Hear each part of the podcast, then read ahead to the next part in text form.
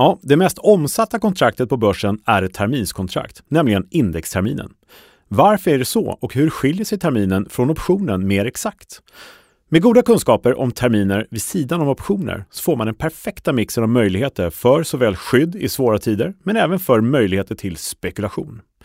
Idag berättar vi mer om de många mervärden du kan få med olika terminskontrakt. Och så tittar vi ännu närmare på potentialen som finns med optionskontrakt som bara har en enda dags löptid. Så häng med!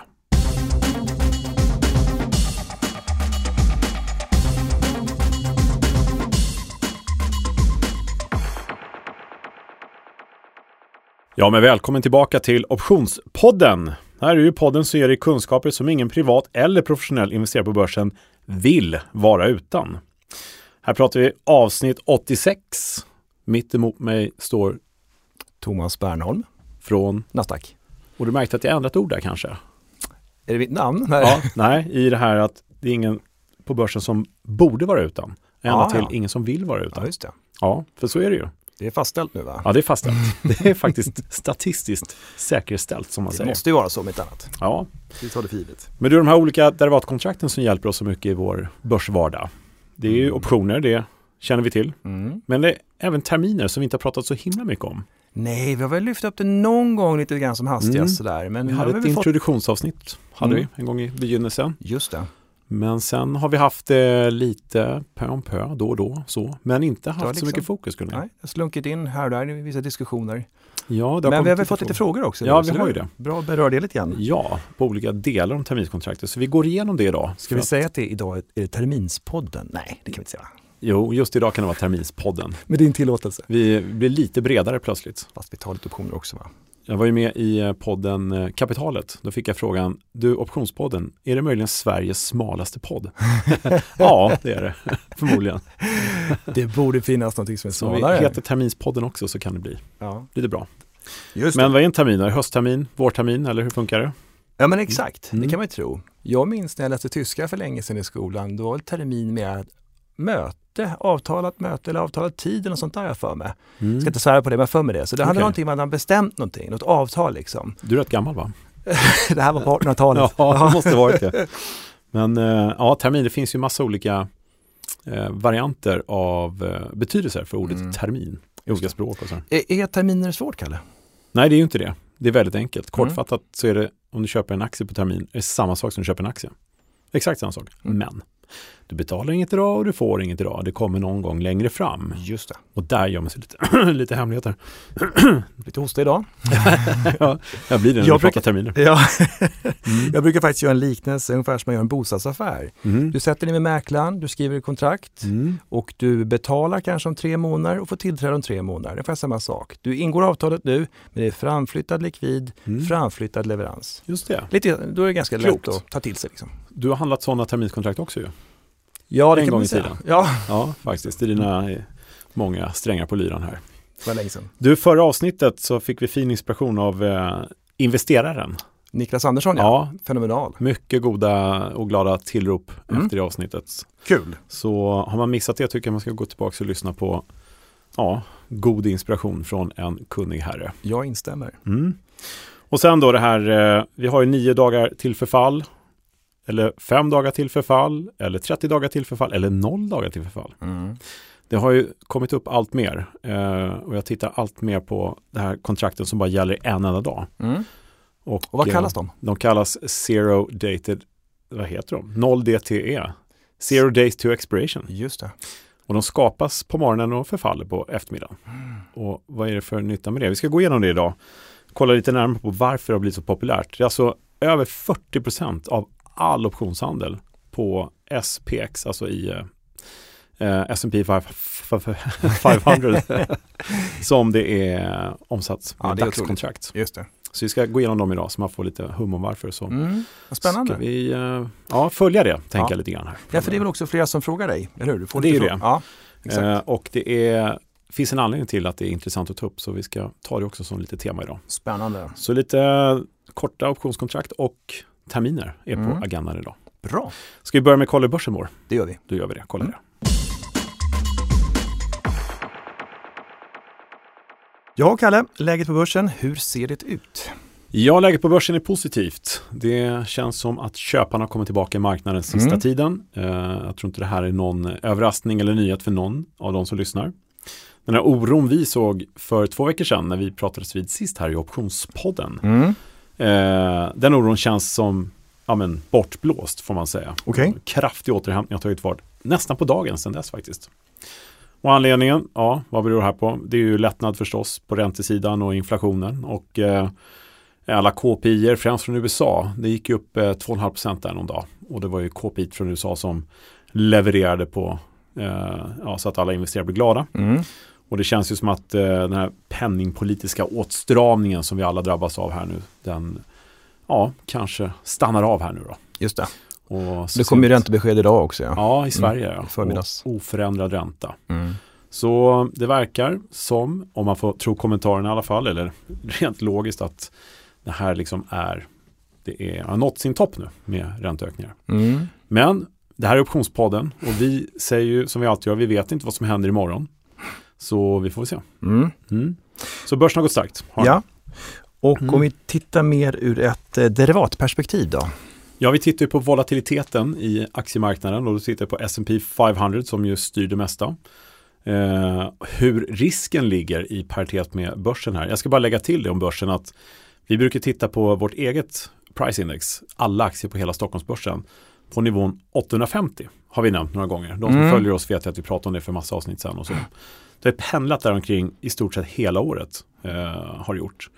Men sen gick det ner eh, efter sommaren här, har gjort. Och sen så återhämtningen nu, men vi är fortfarande inte över den här 850 Ja, just det. nivån. Så Var ligger vi nu?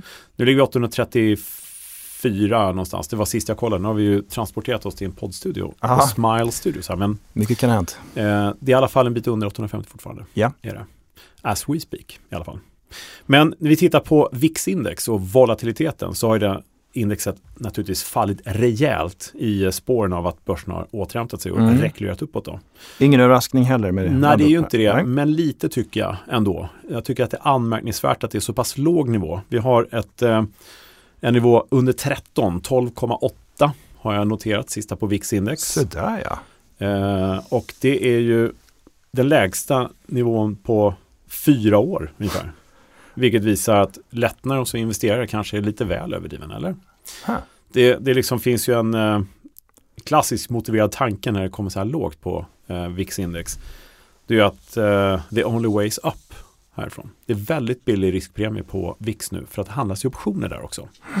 Så mycket låg risk men samtidigt en lättnad och det kan ju samtidigt förstås vara väldigt positivt i bemärkelsen att hinder på vägen för att börsen ska fortsätta upp inte Mm. riktigt syns just nu. Och vad hade vi för nivåer tidigare sa du? Ja, förra gången så hade vi ju eh, över 20. 21,5 låg ju eh, VIX-index på för bara en vecka sedan. Eller två veckor sedan, förlåt. Ja. Så att eh, de här två veckors perioderna är ganska bra mått att att liksom följa på det sättet.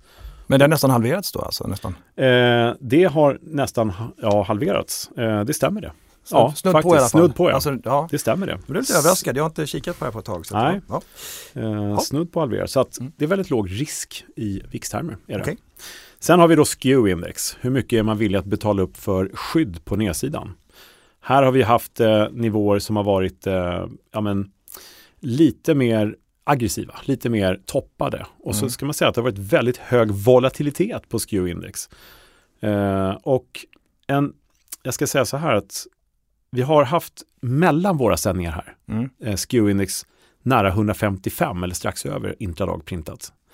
Och det är ju ganska högt. Mm. Jag tror att det bara är en handfull gånger de senaste åren som det har varit så högt. Och innan dess så har vi inte sett de här nivåerna någon gång någonsin. Så det är lite perspektiv att ta med sig om man tittar historiskt på all SKEW-index som finns tillbaka i tiden så att säga. Okej. Och det här var då efter finans, eller förlåt, eh, coronakrisen där. När börsen gick jättemycket uppåt om du minns. Mm. Eh, det var nollränta och allt det där och då var det väldigt mycket oro i leden. Var det. Då var SKEW-index där uppe på 150 och över eh, ett antal gånger. Vi såg också de här nivåerna i början på sommaren. Eller ska jag säga Ja, just det. slutet vår, början på sommaren där. Ja. Hade vi väldigt höga nivåer också. Stämmer det ja. Eh, då var det väldigt mycket inflationssnack och sådär. Och Mm man eh, rustade sig för nedsidan. Sen har det gått lite upp och ner. Eh, just nu ligger vi på 141 6,5 på SKEW-index. Det är dyrt för nedsidesskydd. Allt annat lika är det. Samtidigt så har vi eh, varit uppe på 155, vilket är ganska volatilt som sagt. Men här är det en, en oro och en vilja att betala upp för rekylen neråt som man förväntar sig nu. Och tittar vi då på nästa index så vi brukar titta på den här, eh, vi tittar på volatiliteten på VIX-index helt enkelt. Och så kollar vi på optionerna som handlas där, hur dyra de är.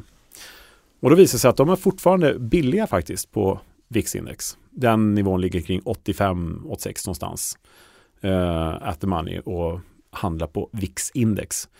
Men om du jämför det med den kraftigt sjunkande VIX-index i sig själv mm. så får du en ratio här som stiger kraftigt.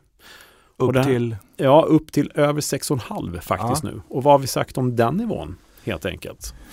Mm. Ja, alltså, vi har ju sett ett mönster där, mm. att det oftast kommer lite rekyl nedåt. Precis. Ja. eh, och vid förra eh, sändningen här, då var vi under fyra faktiskt. Eh, det var, eh, eller under fyra var vi inte, vi var på fyra och en halv eh, ungefär. Ja. Och eh, sen har det stigit ganska rakt uppåt, lika mycket som börsen, det här indexet, och hamnat på 6,5. Och de gånger tidigare vi hamnat på de här nivåerna så har det nästan blivit, som vi säger, självuppfyllande för en mm. rekyl neråt. Så man kan väl summera det hela med att börsen mår bra, vi är glada, vi har fått en lättnad i eh, ränterallyt här. Eh, det är eh, återhämtat, om man får kalla det för så, väldigt starkt uppåt.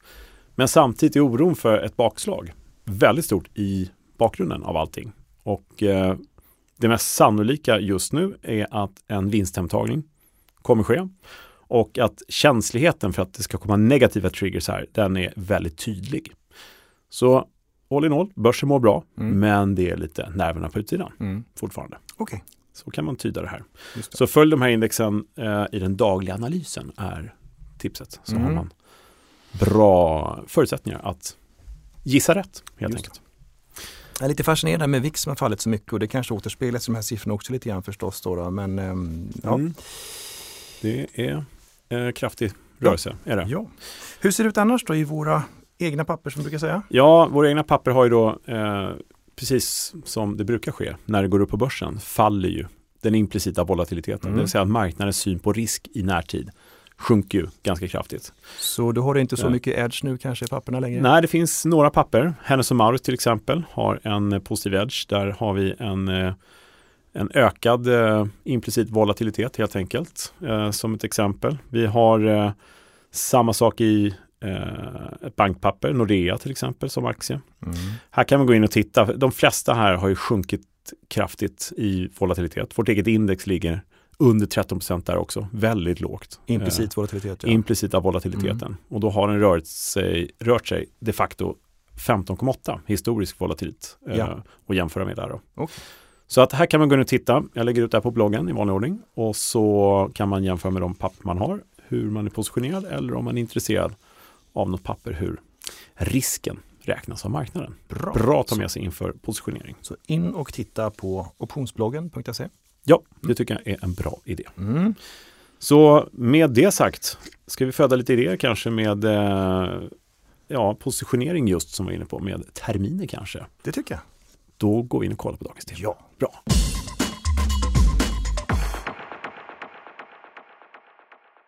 Jaha, Kalle. Dags för huvudtemat för dagen.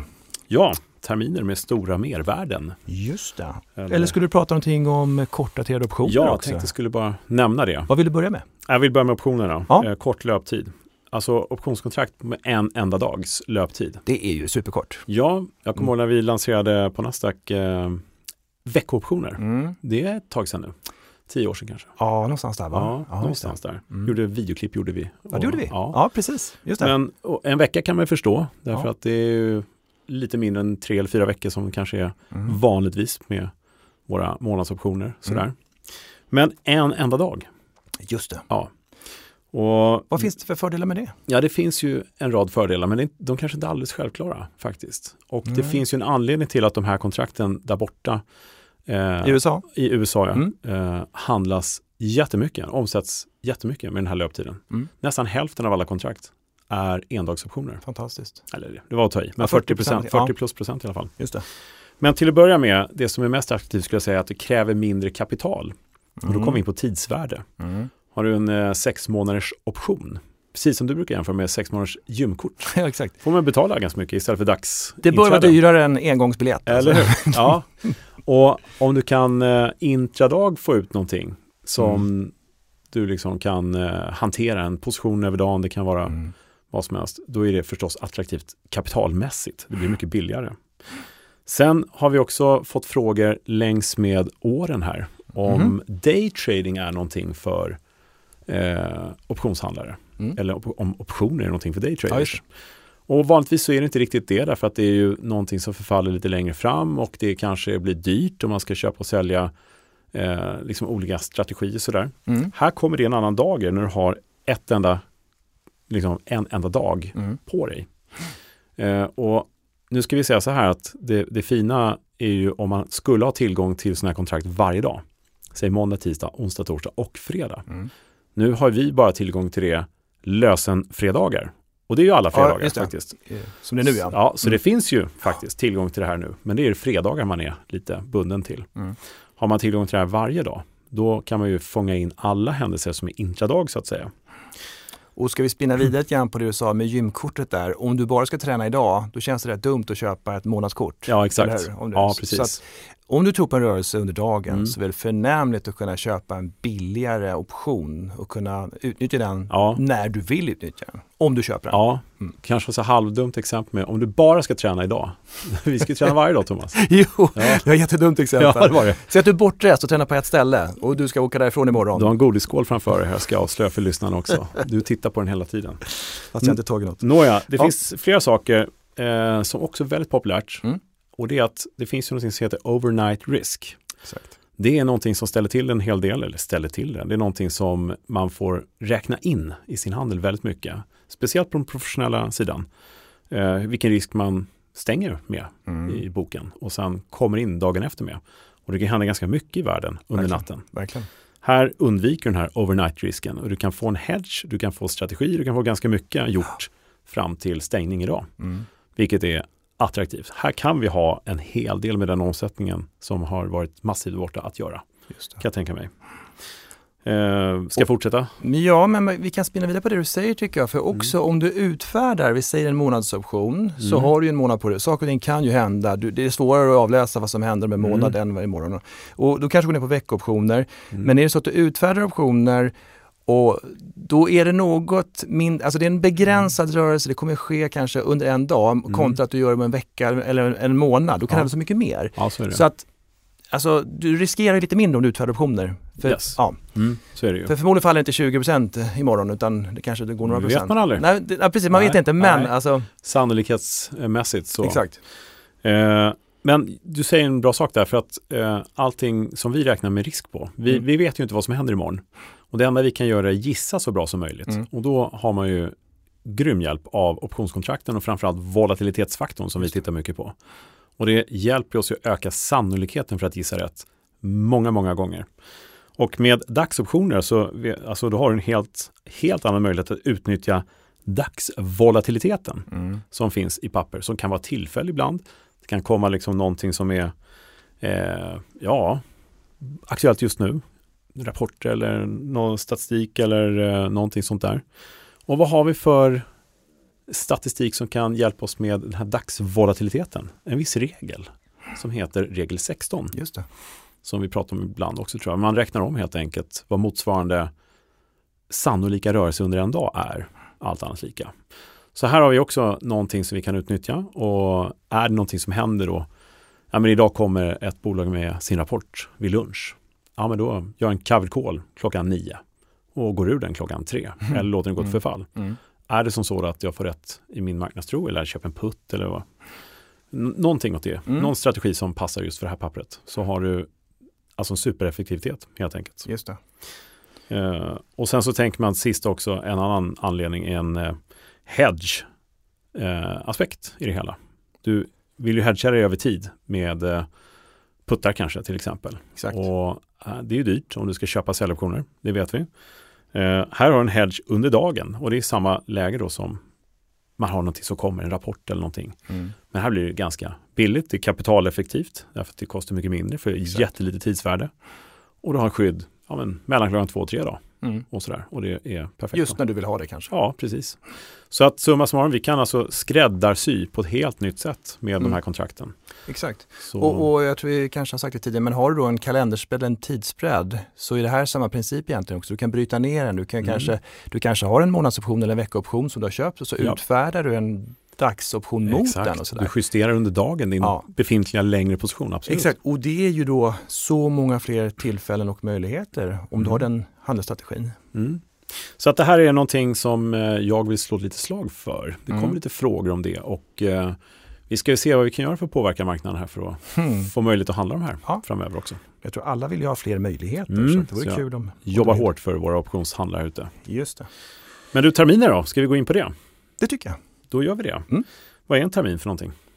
Jag vill inleda lite grann ett Mm. avtal där och vi började prata om möten, eller jag gjorde det och sånt där, Mm. men det var lite mer eh, språkmässigt. Ja, Nej men eh, man ingår ett avtal, det låter ju komplicerat men det är egentligen bara en affär som vanligt. Och man är då, båda parter är skyldiga att fullfölja den. Ja. Köparen köper aktier eh, på eh, lösendagen och säljaren säljer aktier helt enkelt då. Om man inte har justerat. och det är ingen lösenpris inblandat här va? Nej. Nej. Utan det är aktuellt aktiepris Exakt. Som man köper till. Ja, och vi har, vi har indexterminen som du pratade om. Det, vi kan ju med en gång säga också det är en future. Cash-avräknad, man får alltså inte någon leverans av Omex S30s olika bolag. Nej, det får man det. inte utan det är kontantavräknat. Mm. Medan då vanliga aktieterminer är forwards och där sker leverans då eller försäljning beroende på om den är lång eller kort terminen. Är det skillnaden mellan future och forward? Mm. Leveransen? Ja men precis, Mm. ska man säga i, det här fallet också. Och sen har du då en future har en daglig avräkning Mm. så att du varje dag ligger i fas så att säga. En det. forward kan ha ett ackumulerat stort värde, Mm. positivt eller negativt. Mm. Och då får du en större risk egentligen, mot, alltså motpartsrisk man ska säga. Det Ja, har man ju inte när vi har clearat men ehm, det var därför man övergick från forwards till futures också i vår indextermin för ganska många år sedan. 22 år sedan, någonting sånt där. Ja, du kanske minns det bättre, precis. Det var länge sedan i alla fall. Och varför hände det då? Kommer du ihåg det? Jag tror att dels futuren är mer kanske då vanlig internationellt och sen just det här med säkerhet, alltså mm, att man inte ska ha stora uppdämda vinster eller förluster. Eh, Nej. Det är bättre att ha det reglerat Ja, det är det ju. eh, för, för marginalsäkerheter och så här. Ja, Nasdaqs clearing är ju motpart till Mm. alla derivataffärer, även terminsaffärer förstås. Mm. Och när alla en gång var extremt positionerade åt samma håll, ish, Mm. eller höll på att bli det, eller var det, och man lekte med tanken, vad händer om en bank kan gå i default, det vill säga Mm. går under eller inte kan stå för sina åtaganden? Just det. Då blir det ju en kedjeeffekt via clearingen som inte kan stå för sina åtaganden och då faller ju alla. Så risken är ju uppenbar. Då är det bättre att justera den på daglig Ja, så forward blev ett futures-kontrakt. Just Blev det. Mm. Men eh, alltså terminer, alltså, vi, vi ska väl prata igenom fördelarna med det, vad man kan Ja. göra och sådär. Vad kan man göra? Ja, det är väl förutom att ha en exponering väldigt enkelt. Ja, Det är ju likvida produkter mm. och du tar ju en, alltså som i indextermin till exempel, kommer åt 30 underliggande papper ja. på, på en knapptryckning så att säga. exakt en knapptryckning. De Mm. handlas precis som aktier, eller hur? Ja. Köpkurs, säljkurs. Och det går Exakt. väldigt fort. Och vad som också är intressant där, det är ju då att eh, eh, tick sizen, alltså avstånd mellan köp och säljkurs, Mm.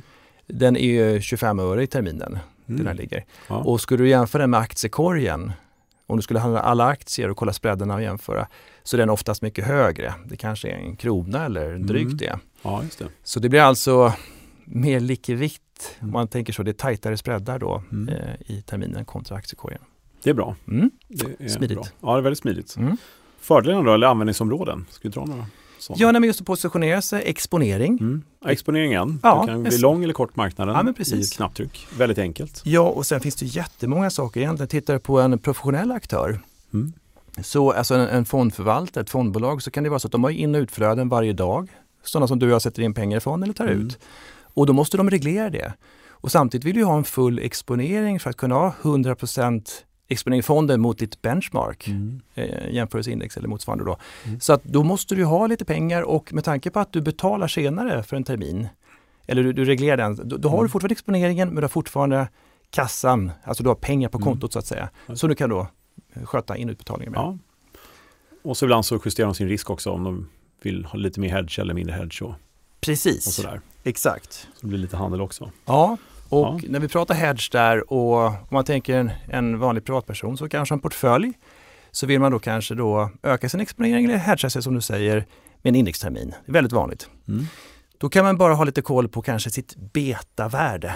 Beta är bra. Ja, Vad säger är betavärdet? Ja, men betavärdet visar hur mycket din portfölj eller hur dina aktier rör sig i förhållande till index. Mm. Hela börsen liksom. Ja, Ja. så att eh, det är ju värt att känna till det. Så att är det negativ korrelation Mm. med dina aktier kontra eh, OMXS30, då är det ju dumt och då har du ju en negativ korrelation. Mm. Liksom. Men, men ska, du, ska du då skydda dig så måste du titta ungefär hur mycket terminer måste jag sälja med tanke på ett betavärde. Ja, just det.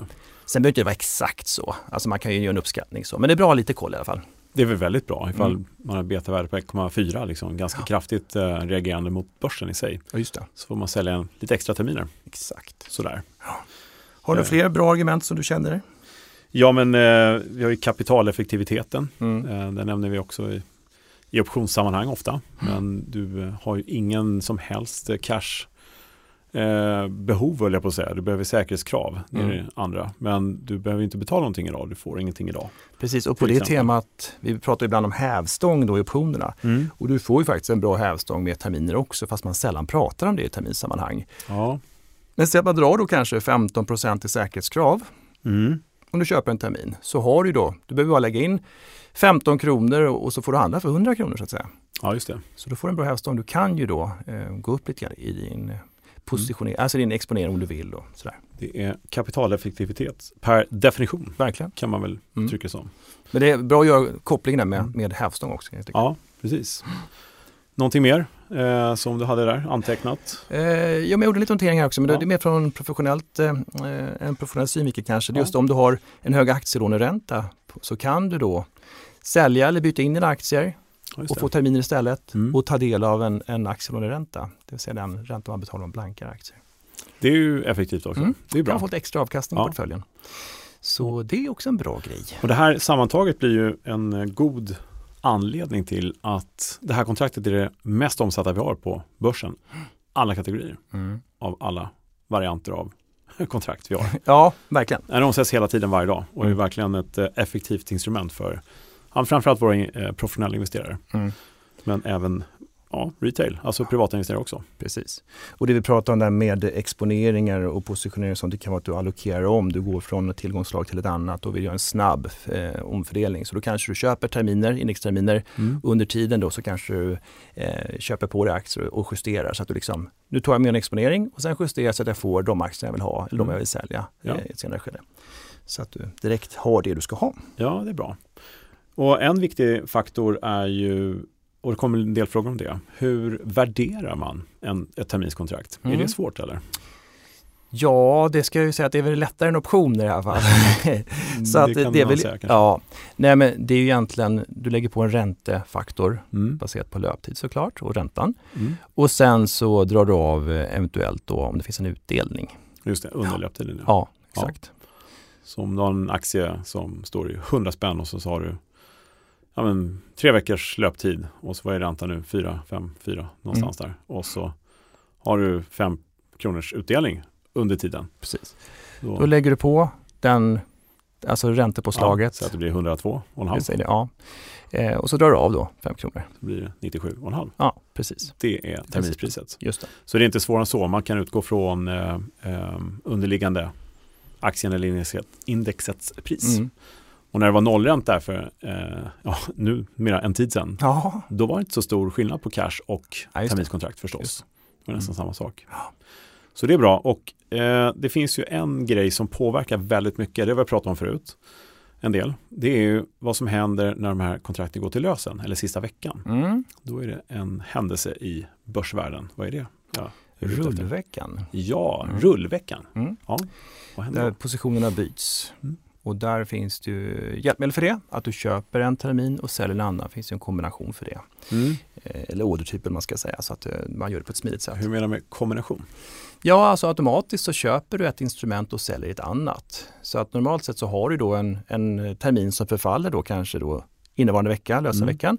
Så att den måste du sälja om du äger den. Mm. Och så köper du eh, nästkommande månad normalt det. sett. Ja. Så, så att, eh, Och det finns ett enda kontrakt som tar de här två transaktionerna en och samma. precis, Det är supersmidigt. lite TMC. Vad heter det då? TMC eller? Nej, jag tänkte på vad kontraktet kan heta. Timespread va? Ja, ja, ja, Ja. TS, Mm. timespread. Ja, men precis. Därför Just att det är över två månader, ja. Finns ju även i eh, aktier förstås, om man vill ha en tidsspread där. Just det. Eh, men eh, det här kombinationsorden, man trycker på ett kontrakt och två stycken eh, liksom, kontrakt ex exekveras samtidigt. Mm. Det är ju ganska praktiskt. Mm. Man slipper exekveringsrisk och så. Och det kontraktet är det som är alltså grymt omsatt sista veckan, här, tredje veckan det. varje lösenmånad. Eh, och då byter man då månad helt Exakt. enkelt. Som inte tappar sin exponer- exponering. Och de veckorna i synnerhet så omsätts det ju mycket större värden i terminerna Mm. än vad aktierna, de underliggande omsätts faktiskt. Ja. I och med att det är så stora terminsbyten där. Mm. Riktigt stora värden. Det har kommit frågor om fair value som jag brukar prata om. Mhm. Eh, Ja. Och eh, vad fair value är och när det gäller just rullningen. Har du någon, eh, någon bra förklaring på hur man får fram fair value i rullningen? Du har ju, eh, om man tänker så här, terminspriset är ju eh, enkelt att räkna ut, räntan och ta bort utdelningen. Ja, det. Och det är ju, ska vi säga, frontmånaden på 20 dagar kanske, 10 Mm. dagar eller vad det kan vara. Säg 30 dagar för att göra enkelt. Man gör exakt samma beräkning med den lite längre kontraktet. Då blir det lite större pris, lite högre pris förstås. Det bör det bli, om det inte är någon jättestor utdelning. som- Exakt, ja precis, Ja. exakt. Man lägger på helt enkelt den andra terminskontraktet. Mm. Sen tar man dem plus minus varann. Svårare än så är det ju inte. Mm. Då har man fair value på rullningen också. Och det kan ju mycket riktigt bli minuspris eh, på det. Ja, Det blir det ju. det är lite bakvänt i huvudet då, man får Ja. tänka till lite. Det blir ju alltså ganska stor, minus 17 Ja. mot minus eh, 18,5. Liksom. Nej, det blir faktiskt kort mindre då, minus 16 liksom. Det blir helt bakvänt. Ja, Det är på grund av utdelningarna då.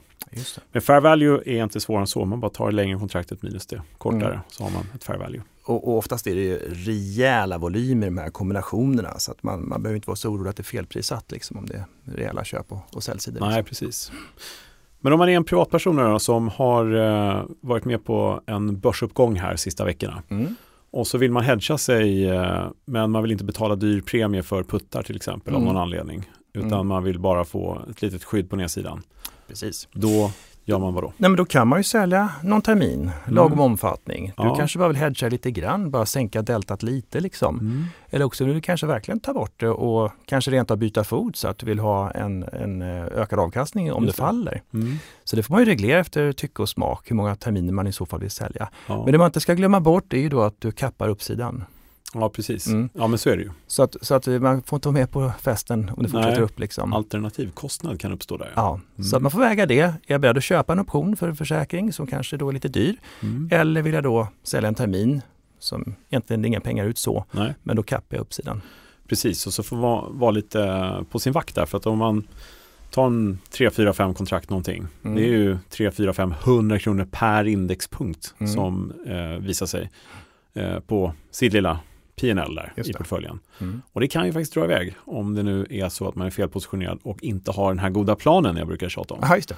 För det, det kommer verkligen till sin rätt här. Att Mm. man inte ligger kvar med en kort position och det sticker iväg över en viss nivå.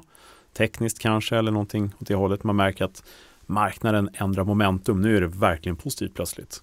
Speciellt över sådana här risknyheter eh, då som att ja, men det kommer KPI från USA, någonting Mm. man vet att det kan verkligen fortsätta rakt upp eller inte. Mm. Här gäller att man är med. För just terminskontrakten, det, det går fort. Index Ja. rör på sig vansinnigt fort. Exakt. Så det gäller att man är med i matchen där. Och därför är det också så populärt bland just daytraders, de som är handelsintensiva i alla fall. Liksom, Mm. att du, du köper och säljer terminer fram och tillbaka under dagen och Ja, kanske liksom håller på att göra det mot andra positioner också så att du liksom hela tiden ligger där du vill vara. precis. Men det vi pratar om där också, lite hedging som du sa, det kan ju också vara så att du har köpt en säljoption Mm. och skyddar dina, en portfölj. Ja. Så går det ganska mycket och så din säljoption ger verkligen en fin utdelning. Mm. Och istället för att kanske sälja din säljoption Mm. eller justera den, då kanske du köper en termin. Just det. För, för då har du ju, då, då, då, då liksom stänger du in vinsten liksom. Ja. Så att börja gå upp igen då, då kommer din säljoption förlora värde, men då har du en termin istället som genererar. Ja. Så så kan man göra också. Är du liksom. neutral då? Eh, nej, inte riktigt. Nej. Nej. Du är delta-neutral? Ja, beroende på mm. ja, hur, vilket delta du har optionen såklart. Ja. Men precis, man får titta lite grann på det där. Så att man, men det, man behöver inte tänka så om man inte vill. Det, det går alltså utmärkt att göra som du sa, att man köper terminer nere och sen släpper man det. Liksom. Mm. Men det händer ju någonting med optionskontraktet när det går upp och ner i marknaden under till så att säga. Då kommer det deltat ändras. Mm. Och då kan man ju hålla på och köpa och sälja terminer runt omkring. Exakt. Då är vi inne på trading och Ja. då är det någonting annat. Men Mm. här har vi mycket möjligheter Verkligen. som terminer kan hjälpa oss med. Ja. Nej, men jag tror vi kan rabbla ganska många saker till. Vissa använder terminer för att kanske undvika valutarisk man handlar papper i utlandet. För du, Precis. du lägger inte ut pengar då utan Nej, klokt. det är kanske eh, margins då, alltså Mm. ditt säkerhetskrav.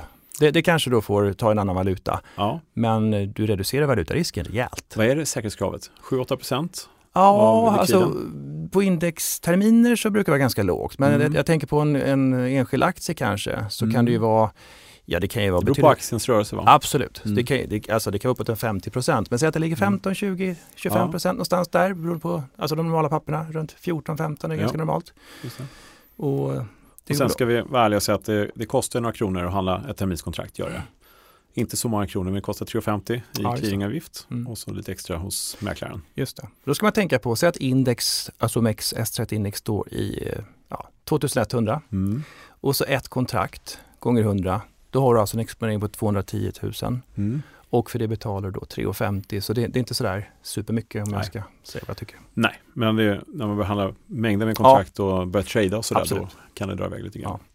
Så ha koll på det. Mm. Sist men inte minst, vad är det för olika typer av terminer? Och här skulle vi kunna förlänga avsnittet med en timme tror jag. Ja. Det finns ganska mycket olika index och terminer och typer och sådär. Men ja, det gör det ju. några stycken, ett par Eh, stycken till som vi... Nej, men först och främst ska jag också säga så här, man har ju då fördelar med terminer som jag pratat om nu. Mm. Men så finns det andra typer av terminer som uppfyller vissa andra önskemål och kriterier. Det Mm. till exempel, vi var först och, och, och skapa en ESG-termin. Hållbarhetstermin, ja. Ja, Mm, den är bra. eh, och då uppfyller du den biten. Ja. Sen eh, har vi lanserat Custom Basket Forwards där du kan Mm. verkligen skräddarsy din aktiekorg och bara byta det mot en ett helt efter dina egna önskemål. Det är lite tailor-made, Precis, istället för att kanske ha då flexible future skulle man kunna kalla det för. Ja, istället för kanske har vi säger bara en korg om 50 olika aktier och det kan vara några i Norden och några ute i Europa, liksom, Mm. andra länder och sådär. Så har du på en terminskontrakt istället. Så det är också en sån där väldigt eh, trevlig produkt Ja. så, som är flexibilitet. Sen har vi pratat om utdelningsrisk och sånt i tidigare avsnitt. Mm. Och när det gäller terminen så har du gross return futures. Just det. Så det justeras då för eh, utdelningen. Så Mm. att det finns ingen risk att, alltså ibland så blir ju Ja. blir, Utdelning försvinner då. ja, och avvikande utdelningar. Det blir ingen Så- så utdelning i år. Nej, precis. Nej. Och lite så. Och sen så håller vi på att skapa en, en småbolagstermin också under utveckling. Mm. Så att, hoppas att det går i lås och att den kommer ut snart också. Så att det finns lite sånt. Ja, eh, ESG har jag fått en fråga om, kommer på nu, Mm. som handlar om hur, varför är det hållbarhet? Vad står ESG för? Environmental Social Governance. Vad sa du en gång till? Env- environmental Ah. Social Governance. Ja. Eh, och det finns ju då många fondbolag som har olika screeningkriterier och sådär. Så att man tar Mm. bort vissa bolag och man kanske plockar in de som är eh, bra för, Mm. i vissa avseenden och sådär. Men det har varit en, som en konsensuslösning. Man tog bort Swedish Match eh, Mm. då på den tiden när terminen Ja. skapades. Ja. Och nu är den inte noterad längre. Nu har vi ju istället Evolution Gaming inte med i det här. ESG-index till exempel. Just det. Men så att de som är i framkant av själva hållbarhetsfaktorn på ett Mm. annat sätt det. består i det Ja. Indexet som den terminen består av. Mm. Skulle man kunna säga att ESG är en form av en CBF, alltså en Custom Basket Forward?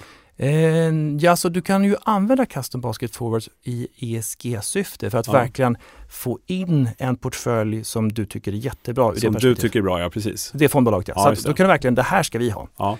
Så, så att absolut, den produkten kan du använda ur ESG-perspektivet. Absolut. Nu pratar vi kanske mer för, för professionella användare här, men det är bra känna ja, men det, det, jag tycker det är fint att få fram eh, initiativen som finns faktiskt på Nasdaq. Det arbetas hårt för att nej, men vara med liksom, just när det gäller hållbarhet och sådär. Och det. det är faktiskt ganska bra. Viktiga grejer.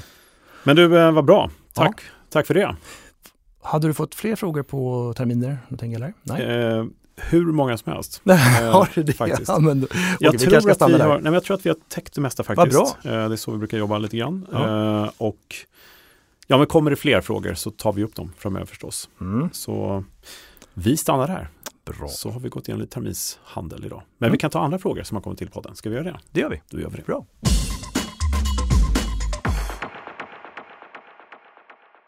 Ja, Kalle, du får Mm. ju in massor av frågor. Ja. Vilka tre har du valt ut i dagens avsnitt? Ja, Martin har frågat så här till att börja med. Hur många optionskontrakt finns till salu i marknaden? Mm. Det är en faktiskt en väldigt bra fråga, Ja, tycker det är jag. Är det. Det finns ingen stash med optioner liksom som skickas ut och sen är det först till kvarn. Nej, och det är väl tur det, så, man Ja. inte, så, så att de inte tar slut. Hur fungerar det? Berätta. Nej men egentligen, det, det registreras eller noteras rättare sagt massa olika optionsserier och eh, så länge ingen handlar dem så står det ju som att det är noll i öppen balans. Vad är öppen balans? Ja, det är helt enkelt hur många som, som är, vad ska man säga? Levande. Ja, levande. Det var Mm. bra. Jag tänkte säga aktiverade, men det är fel tänkte Ja. jag. Ja. Levande kontrakt, de Så- som är aktiva i jag- marknaden. ja, visst. Som jag köper 10 kontrakt och du säljer, ja, Mm. plötsligt har vi 10 kontrakt i öppen balans. Så man kan säga så här, eh, förr i världen Ja. så fick man de här eh, kvittorna på papper. Det stod ju liksom eh, upp, köp, vad var det? Upp, köpöppning, nej vad hette Nej, det det? hette, Vad hette det? ja gud. Open buy, Köpstoppa, köp, Ja, köpstopp säljstoppa. Ja, det Ja. där var väldigt förvirrande. Så det, ska Det var vi- väldigt förvirrande. vi låter det, Ja, vi vi låter det vara. Men det finns ju en anledning till att det säger utfärda. Mm. För det är ett kontrakt som inte existerar aktivt. Mm. Då utfärdar vi och då är det en market maker någonstans som går emot och köper av oss. Mm. Men vi skapar den utfärdade positionen och market maker går emot. Ja, men just det. Och sen om vi köper ett kontrakt, då är det någon annan som utfärdar till oss Mm. och då skapas det kontraktet. Om vi sen vill bli av med det köpta kontraktet, då säljer vi kontraktet. Mm. Vi utfärdar ju inte det, vi Nej. säljer det. Så kan vi tänka lite Ja, grann. Och stänger vi våra positioner då reduceras ju öppna balansen Mm. också. Så, Så tack för den Martin, bra fråga faktiskt. Mm. Eh, sådär. Men det finns summa summarum hur många kontrakt som helst egentligen, så länge antalet utstående aktier i bolaget kan täcka det. Just det. Eh, så. Och det fanns en gammal, eller fanns, jag hörde en gammal tumregel för länge sedan när jag utbildade mig inom optioner att eh, derivat kan aldrig bli lika stora som underliggande aktien. Nej, Men faktum är det har hänt va? ja, att det har hänt. Så att det finns alltså större volymer i derivaten än Ja. underliggande. Och det, det, Det är spännande. Ja, det är lite överraskande. Men ja, det var en parentes. Ja, Mm. då kan man fundera på vad som händer då, men det tar vi en annan gång. Nästa fråga, Kalle. Anna har frågat så här, handlar alla fonder på börsen med optioner och terminer? Också en bra fråga. Mycket bra fråga. Mm. Och det kan man tycka att det borde alla göra med Mm. alla dessa fördelar. Men det är faktiskt inte så att de gör det. Nej, det finns väldigt många fonder ska vi säga. Ja, det Extremt gör det. mycket fonder som är inriktade på olika. Och många vill handla men det kan finnas då begränsningar och så. Men svaret är nej, alla Mm. handlar inte. Nej. Men eh, det hade varit jättebra om alla gjorde det. Mm.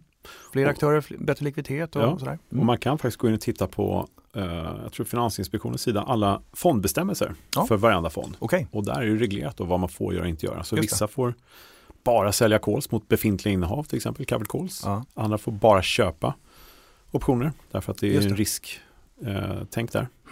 Men det är ju samtidigt inte synonymt med att de faktiskt handlar idag. Utan det är Nej. att de får det. Exakt, Så- de har tagit att- höjd för det. Så Men i eh, årsredovisningen brukar det stå att man är Mm. aktiv med derivatinstrument. Men det är en bra fråga. Tack Mm. för det Anna. Eh, alla fonder handlar inte med optioner och terminer. Jag skulle säga att det är fler som handlar med terminer än optioner. Ja, Så är det ju. Just som det. vi just har gått igenom här då. just med alla dess fördelar med terminerna. Ja. Mm. Vincent har frågat, fungerar den standardiserade optionsmarknaden likadant i Europa och i USA? Eh, Jag skulle ju svara nej på den om man nu Mm. pratar standardiserat. Det finns ju olika, vissa har ju inte förfall kanske tredje fredagen och så vidare. Och det är det.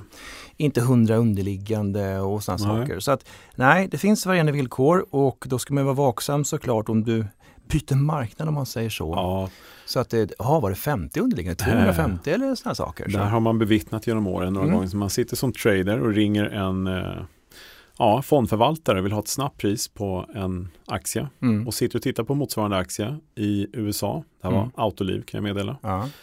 Och i USA handlas det i vissa papper en mot en, medan jag tjatar om att det är en mot hundra, alltså Ja, just 100 multiplikator. 50 000 kontrakt här, jag tar dem hej då. Jag brukar berätta när jag föreläser. ja, precis. och det kan ju bli väldigt fel. Ja. Eh, 100 gånger fel va? Det är ganska det mycket. fallet? Ja. Så att nej, det funkar, det är lite olika regler. Mm. Eh, ibland är Ja. det ju. Ganska mycket snarlika regler. Ja men visst, Är det det är ju. det. Så, Ja, absolut, men eh, ta en rejäl eh, koll på Mm. vad som gäller. Precis, så har man bäst koll.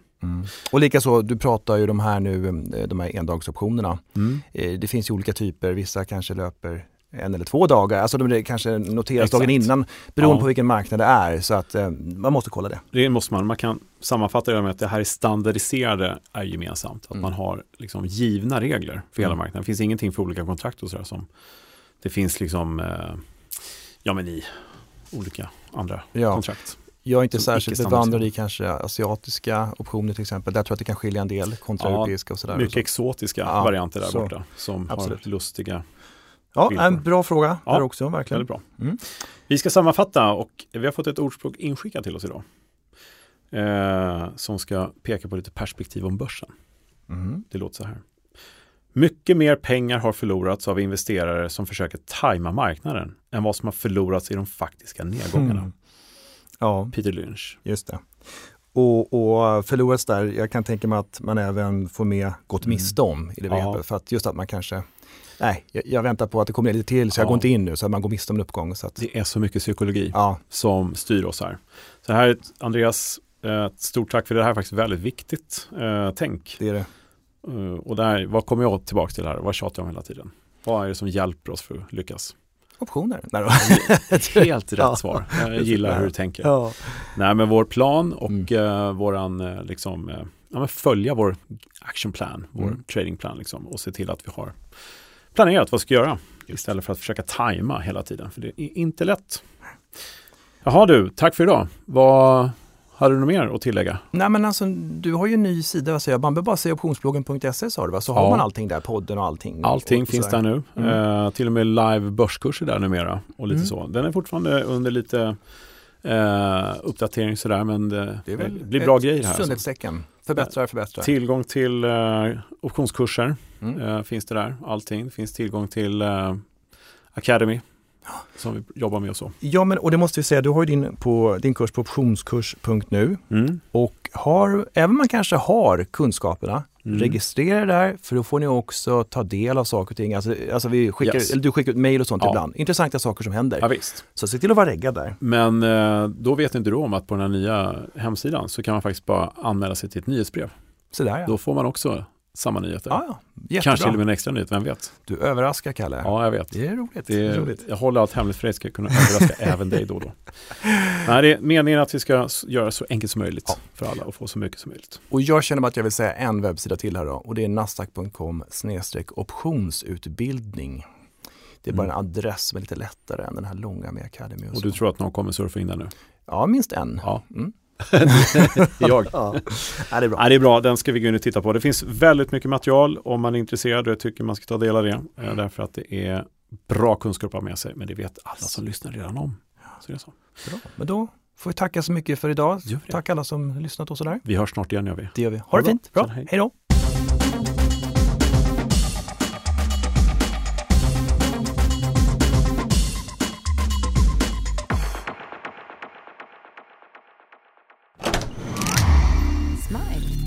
Den här podden har spelats in hos Studio Smile.